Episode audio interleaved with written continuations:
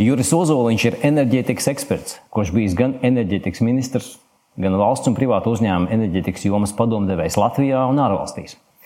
Joprojām turpina dalīties ar savu pieredzi un zināšanām, un ir viens no pirmajiem, kas būvē saules enerģijas staciju. Ar Juru Ozoliņu runāsim par enerģijas jomas unikalitāti un tās drošību, enerģijas resursu un tās piegādes cenu, milzīgā lēciena patiesībiem iemesliem, kā tas ietekmē drošību gan globāli, gan vietējā mērogā un katru no mums. Un ko varam darīt, lai mums būtu pietiekami energoresursi arī turpmāk.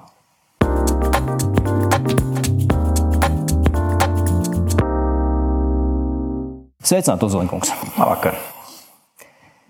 Jūs esat bieži dažādu mediju viesis, un arī manis aptaujātie eksperti jūs minēja kā vienu no zinošākajiem jomas pārstāvjiem Latvijā. Tas, protams, ir pārspīlējums.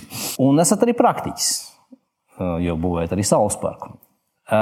Ko jūs darat ārpus tā, ka šodien esat diena pēc drošības viesis? Jāsaka, pēdējie divi gadi man bija veltīti, lai parādītu, ka es varu tikai, ne tikai runāt televīzijā, ka man uzaicina, bet ka es varu kaut ko izdarīt un fiziski parādīt, kad ir kaut kādi aktīvi, ko es spēju radīt. Un es esmu tos veiksmīgi gandrīz vai noslēdzis. Un, Eh, tas man aizņēma ļoti daudz laika, bet man arī bija pietiekoši daudz laika tam, to izdarīt. Iet runa par saules parku attīstību eh, vai saules elektrostacijas attīstību. Manā privātajā zemē, kura pēc dažām dienām nebūs vairs mana, un eh, projekts turpinās attīstīties, un es ceru, nākošā pavasarī dzīvos. Bet tā tad man būs ļoti labs industriālais kaimiņš manā lauku zemē, kur es laiku pa laikam uzturos. Jūs esat šo biznesu pārdevis. Es, es esmu pārdevis zemi un, ies, un projektu iestrādes. Un neturpināsiet pats? Nē, neturpināšu. Nē. Katram ir jādara eh, tas, ko viņš var un neko var pacelt. Jums bija tāda iespēja, bet jūs to tagad to. Nē, tas ir mērķiecīgi. Un, uh, es esmu ļoti apmierināts, kad mans um, šī darījuma partneris zina, uh, no kā viņš pērk, ko viņš pērk, kāpēc pērk. Un es arī zinu, ko viņš pērk un kāpēc pērk. Mums bija pilnīga izpratne, kā tam jānotiek uz priekšu. Tas ir vērts faktiski uz enerģijas nākotni un patiešām par tēmu par Latvijas valsts drošību. Kas ir patiesi enerģijas šī brīža dārdzības iemesli? E, enerģija šajā brīdī ir e, karjerocis. Un ne tikai no um, kara izraisītāja Putina, kurš, protams, ir radījis sev resursus, bet arī uh, no civilizētās rietumu pasaules. Mēs izcīnām ekonomisko karu, militāro karu kombinētā veidā. Enerģija ir ierocis un, uh, piemēram, tēma, ko es minēju, elektrība ir uh, municija. Kara rezultātā bez šaubām, ja kaut kas vairāk ir vajadzīgs, tas maksā. Tas, protams, ir tā augstos toņos runājot. Eh, bet eh, nu, garāks iemesls patiešām pasaules ekonomikā Covid eh, samazināja pieprasījumu pēc resursiem, ekonomikas sašaurinājās, cilvēku uzvedi, uzvedība mainīja. Tad ārkārtīgi strauja atjaunošanās, kas atkal radīja izbrīnu tiem, kas ražoja.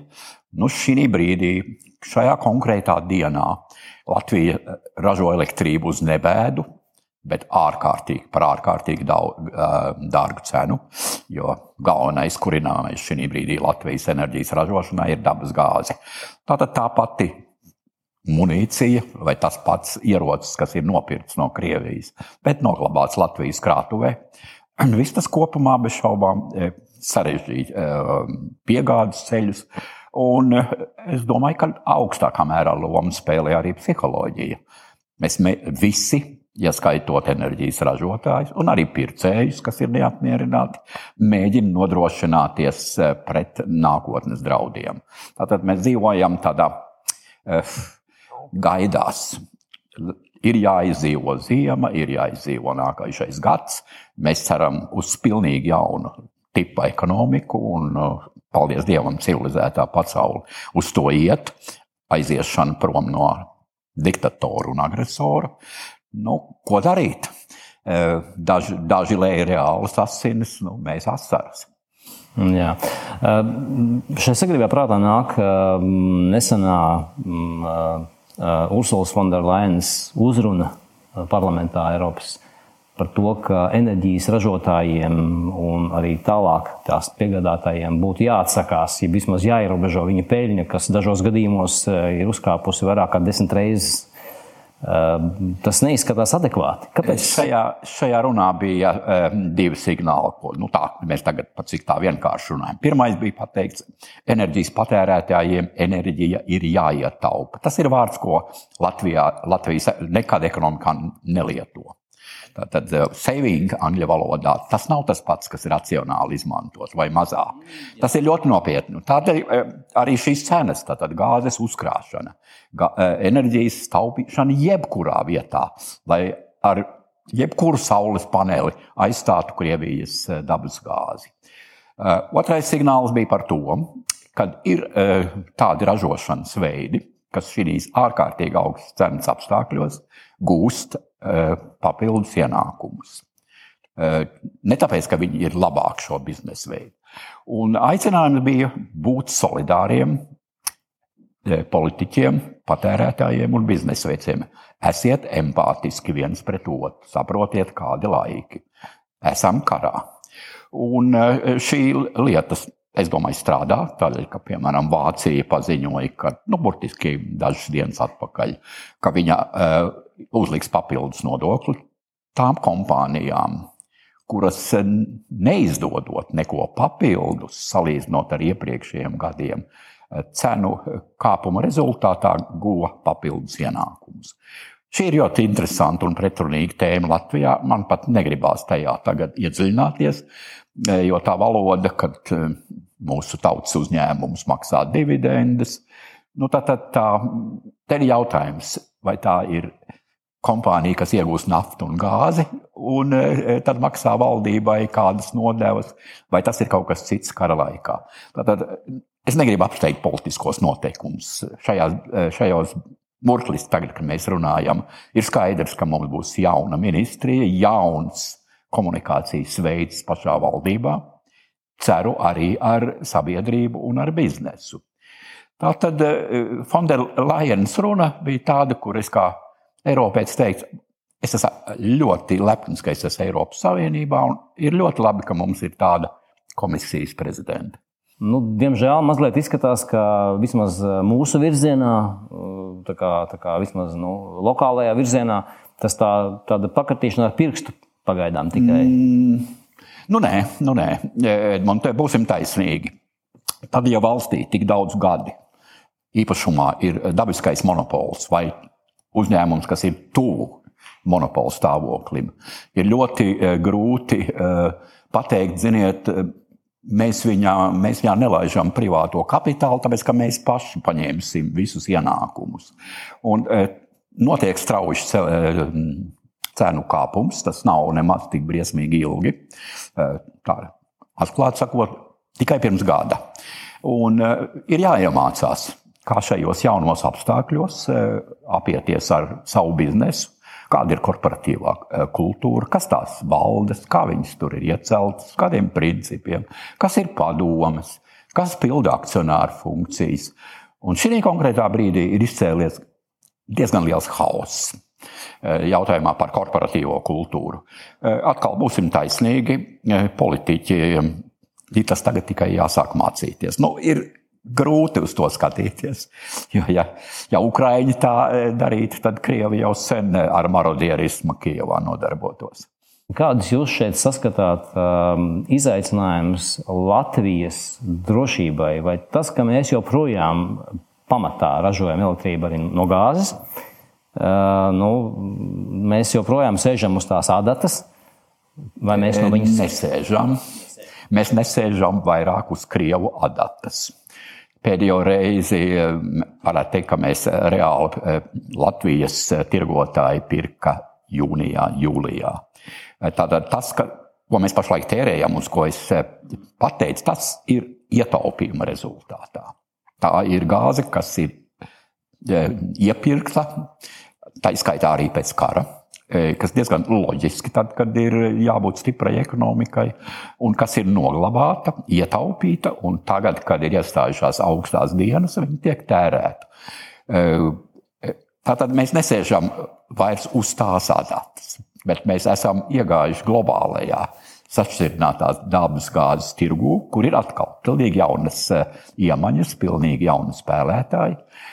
Pateicoties arī mūsu kaimiņu rīcībai, es teiktu, ka tā drošība ir drīzāk uzlabojusies. Kaut gan tīri no infrastruktūras skatoties, tā vienkārši, ah, šausmas, mēs esam kaut ko pazaudējuši. Nu, tas ir jautājums, ko es pieminēju. Ja ir kara apstākļi, sāk strādāt nu, bailīgi instinkts, un jums ir jāpārorientē visa sava reālā darbība, jāpiemērojas. Tad, kad arī ir bailes. Es gribētu novērst to, tās bailes, kas ir saistīta ar iespējamo kaut kādu agresoru valsts kaut kādas papildu rīcības. Nu, viņu rīcībā attiecībā pret Latviju instrumentu vairāk nav. Vispār. Skaidrs. Tas nozīmē, ka mēs nesēžam uz vienas adatas. Mēs esam tagad tādā, tādā, tādā atkarīgi no tādas lielākas adatas. Jā, tagad ir dārdzis. Tagad ir dārdzis. Jā, vai ēzis ar daudzām adatām. Jā, un, un mēs tādējādi esam lielākā drošībā. Jā, noteikti. Jā, jo no tā, ka viss sadats varētu iedurties, ir maz varbūtība. Mm -hmm. Jo līdz, līdz vasarai, nu jā, patiesībā es arī atceros, līdz vasarai tur bija tie stāsti, kad viena teica, ka mums jau no Krievijas kaut kas nāk, cita teica, ka no es tā kā nenāk. Bet, nu jā, tas, tas vasara laikam ir tas pēdējais posms, kad mums tika piegādāts. Nu, mēs tagad pieskaramies par uh, rīcību nu, tādā divu, triju gadu uh, periodā. Kur, un tā, tie ir, nu, tie ir tādi ārkārtas lēmumi, kas ir jāpieņem. Tādēļ šī brīdī, man liekas, ir diezgan dīvaini klausīties, kad mūsu glābējs varētu būt atomenerģija vai vēl kaut kas, nu, kas man šķiet tiek pielietots tad, kad jums nav ko pateikt, ko jūs darīsiet pēc diviem gadiem, pēc trīs gadiem vai pieciem. E, e, tāds ļoti vienkāršs veids, kā aiziet no lietišķas sarunas, pasakot kaut ko tādu, Eh, kas izklausās ļoti strateģiski, bet nu, nekādā veidā neko šī brīdī neatrisina. Ar to es nekritizēju nekādā mērā eh, kodoltehnoloģijas. Bet tomēr, bet tomēr eh, vairāki eksperti saka, ka nu, mums būtu jāizskata šāda versija, un kad kaut kāda modulārā vai kaut kāda neliela atomstacija, teiksim, Baltijas reģionā būtu īstā lieta. Jā vai nē? Nu, kāpēc gan pieci cilvēki ar to nevarētu nodarboties? Mīļais Dievs, nu, ja e, jauna ministrija nodibiniet vēl vienu, ieliekiet vēl vienu deportā, e, departamentu, pieci cilvēki, kas nodarbojas ar šo nākotnes jautājumu un miers. Netraciniet pārējo sabiedrību. Tracināšana sāksies tad, kad kurā vietā vispār, e, kas varētu izskatīties? Tas kas, pašlaik, dā, tas, kas pašlaik ir militāra tehnoloģija, kā viņi izskatīsies miera laika apstākļos, kurā vietā? Kas notiks ar kodoldegvielu? Nu, tad sāksies īstā šūmēšanās. Jo tad, kad būs, ja, domāju, ka tas pašlaik ir jautājums, ko vajag atcerēties. Bet nevajag to pārvērst par kaut ko tādu, kas aizsedz domas par tādām patiesajiem riskiem. Nu, es pareizi saprotu, ka no tā izriet, ka, ka mēs uh, esam pieslēgušies no vienas Krievijas ādātas tikuši projām. Uh, uh, mēs esam pieslēgušies tādam lielākam atkarības dadzim, kas varbūt nav tik, nav tik, nav tik izteikts, bet ir no dažādām pusēm. Nu, Tādēļ mēs esam diversificējuši attiecīgos riskus. Papildus tam līdz šim tika proponēts, ka mums vajag vairāk izmantot atjaunojamas enerģijas veidus, tādus kā saule, vējš un tur arī cita vēl. Vai mums ar to pietiks? Jā, Nu, to, mums nav pašlaik nekādu citu tehnoloģisku uh, rīku. Nu, nu, jārīkojas ar to krīzi, kas te jums ir rokas attālumā. Ja jūs sapņojat, uh, ka tas atrodas lielā attālumā un gribat stāstīt, ka tas ir atrisinājums, tas nav īsti labi. Tādā nozīmē, ka mēs paši sev maldinām. Saula un vējš ir pašlaik vissasniedzamākie. Mēs skaidri redzam, privātā nauda vēlās Latvijā ar to nodarboties bet mums ir šķēršļi. Nopietni šķēršļi. Nu, pat dažus 24. novembrī sadalījums tīkls izspēlēja kārtējo ļauno joku. Tādā, kad it kā ievest eh, maksu ražotājiem, kas tieši trāpītu par saules projektu attīstītājiem Latvijā. Publika, kas ir gandrīz divi miljoni, interesējās par to, ko viņa maksās, bet par ražotājiem Tur kaut kā visiem ir, tas ir palicis sēnāk, kas tur notiek. Un tas ir tā tēma, ko, ko jūs man tagad uzdodat. Jā, kā tad ir ar tiem saules pārējiem, kā tad ar vēja stacijām? Lietas notiek. Es ar ļoti lielu ja prieku noskatījos eh, video, kur eh, projekta attīstītāji stāstīja par saules eh, parku Cieceres pagastā un tajā apkārtnē, kur Lietuvas kompānija Ignitis ir jau nopirkusi šo projektu. Puisši turpina tālāk viņu attīstīt. Teicami. Tas nozīmē, ka jā, ja, saules lietām joprojām jā, ir. Ja, ja privātais kapitāls ir gatavs nodarboties ar to, ko publiskā nauda nekādi nevar pacelt. Nu, nekādi. Un, ja publiskā nauda tiek izmaksāta atbalstos, tas ir ļoti labi šajā gadā. Tas bija ļoti labi gada sākumā, bet to nevar turpināt ir jānovērš ehm, tas, kāpēc cenas ir augstas. Un, un nauda ir šeit. Nu, tātad, eh, es kā Latvijas pilsonis gaidītu ļoti izšķirošu rīcību ātri. Pēc pāris dienām vai pēc pāris nedēļām, lai novērstu ehm, nejaušu barjeru rašanos.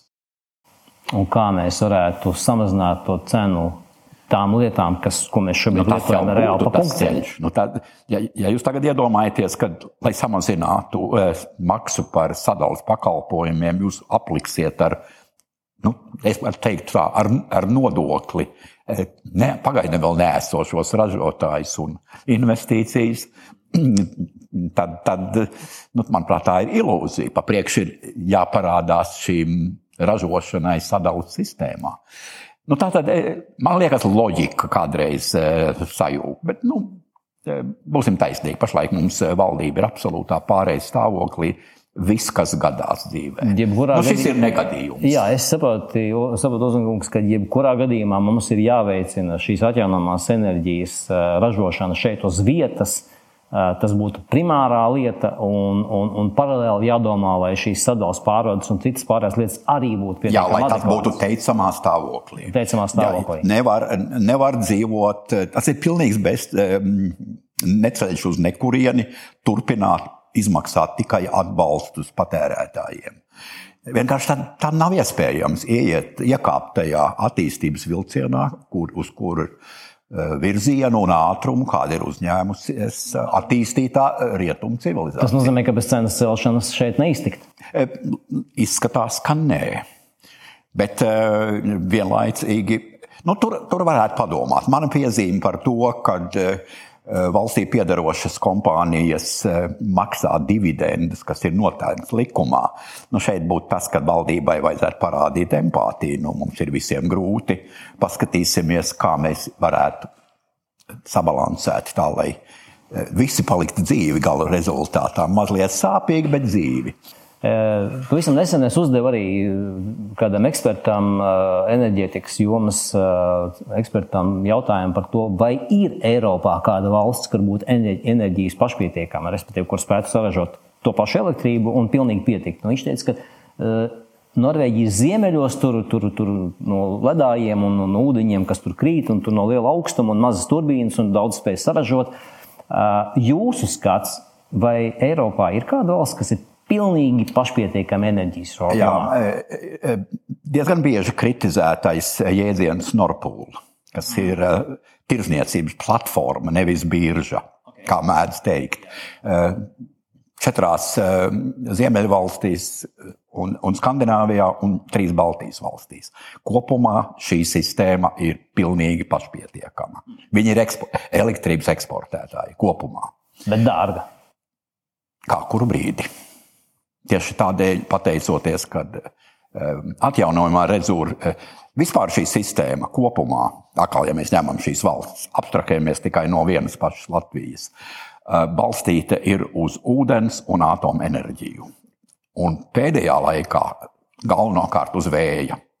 Eh, tā tad eh, sistēma kopumā ir enerģijas eksportētāja, Mēs arī brīžam gan griežam eksportētāji, griežam pircēji. Tā ir īpatnība, bet tātad mēs dzīvojam pašnodrošinātā sistēmā.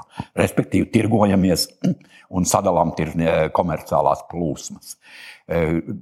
ja kāds par to kritizē, tad pa priekšu vajadzētu paskatīt, iedomāties, kā tas būtu, ja mēs tur nebūtu. Un mēs atrastos kādā citā sistēmā. Tad es, tā tad man atbild uz jūsu jautājumu, lai mēģinātu precīzi teikt, šī sistēma ir pašnodrošinās, jo pati sev nodrošina, Vācija arī sev pildībā pati nodrošina. Ja neskaita elektrība, ir tikai 7% ar dabasgāzi pie kam tas ir da no dažādiem virzieniem. Leģenda par, Lat par Vācijas um, enerģijas atkarību ir kaut kas cits, iet runa par industrijas kā izēvielas atkarību lielā mērā. Bet atkal, um, es gribētu teikt, labi, ka mums ir tādi kaimiņi kā Vācija. Viņi parāda, kā ir jāiziet no krīzes. Eh, kas būtu jādara mm, Latvijas ražotājiem, teiksim, no nu, vidējiem, maziem, eh, būtu jāveicina teiksim, šī kaut vai, piemēram, saules paneļu likšana, kā jūs esat šo tur minējis, ka jebkur gandrīz? Ļoti interesantais jautājums, kas pašlaik ir. Es pieļauju, tūlīt sāksies jautājumā par sadalījuma tarifiem patērētājiem un ražotājiem, kuras, kā teicu, ir parādās uh, lielums, kas varētu vispār aizkavēt projektu eh, ienākšanu nākotnē. Jo eh, tie, kas attīst projektus, skatās 15, 20 gadus un 25 gadus uz priekšu, kāda varētu būt vidējā cena, lai vispār būtu vērts nodarboties. Tas, kas šī brīdī, šī konkrētajā mēnesī, ir tik nežēlīgs cenu kāpums, tad e, norāda, ka tā jau nebūs visu laiku. Jo vairāk ienāks šie jaunie avoti, jo vairāk būs cenu kritumi, jo viņi paši pazeminās tirzniecības cenu ar savu ienākšanu. Jo vairāk viņi, jo labāk patērētāji. Tā tad drošības aspekts jūsu atbildēja ļoti vienkārši. Jā, vairāk tas... piegādātāju, vairāk ražotāju, zemāk cena. Jā, tieši tā. Pat, pats tirgus algoritms parāda to. Jums ir jāuzņemās riski, bet mīļā valdība kurai pieder publiskā infrastruktūra. Neradiet jaunus riskus investoriem un rezultātā pašu sev un saviem pilsoņiem. Tad jau jāsaka, ka skatoties uz priekšu, šī sadalījuma un pārvades eh, pakalpojumu cenu celšana ir adekvāta. Eh, es domāju, ka viņi ir samērā adekvāta eh, pārvades sistēmā jau šobrīd. Tur varētu mazliet pakaulēties regulators ar kompāniju sadales sistēmas tarifs ir paziņots absolūti nelaikā, jo vēl nav, nekas jau vēl nav izlemts par sadales, par pārvades.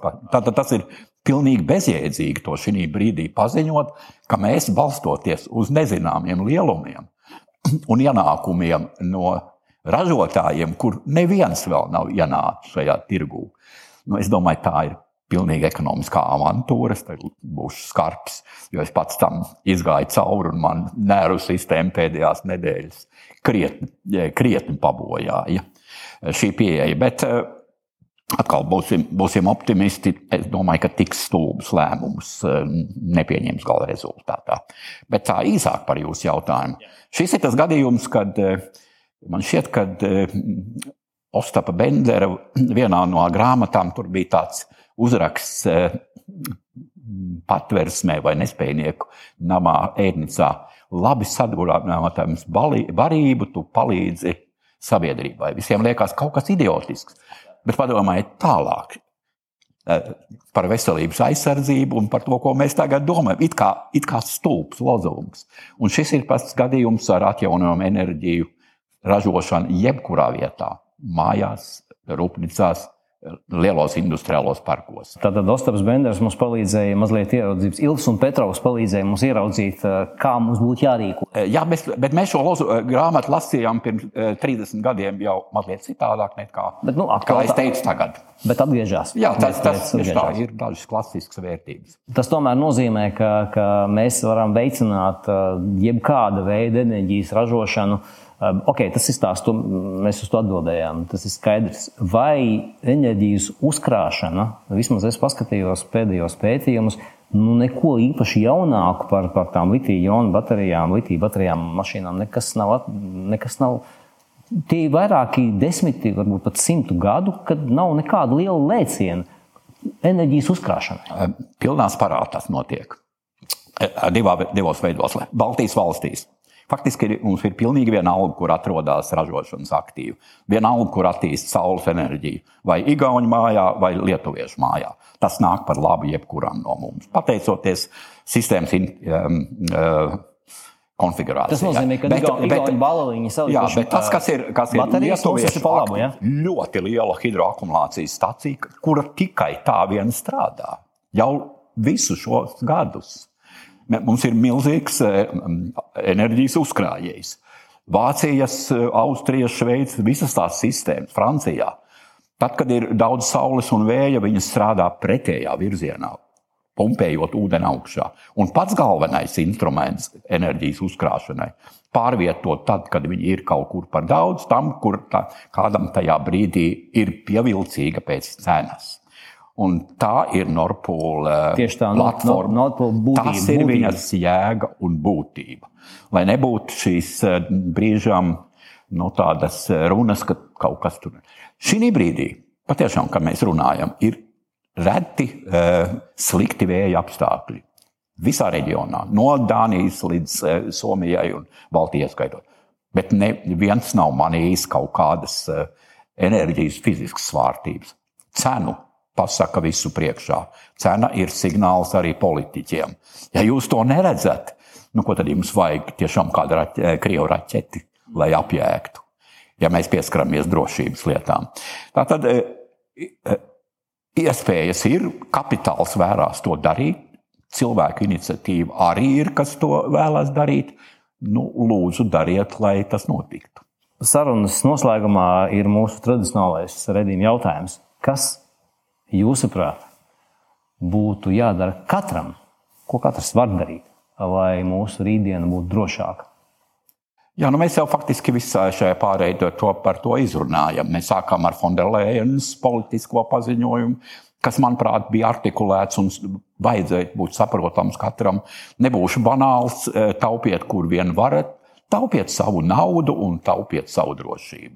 E, vienalga, ko jūs ietaupāt - benzīnu, uzstādiet saules paneli vai pazeminiet siltuma temperatūru. Viss darbojās tajā virzienā.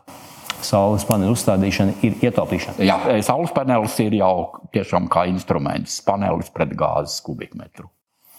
Saturīgi un skaidri. Paldies, Jurek, par sarunu. Jā, Paldies jums. pateicos par uzaicinājumu. Paldies.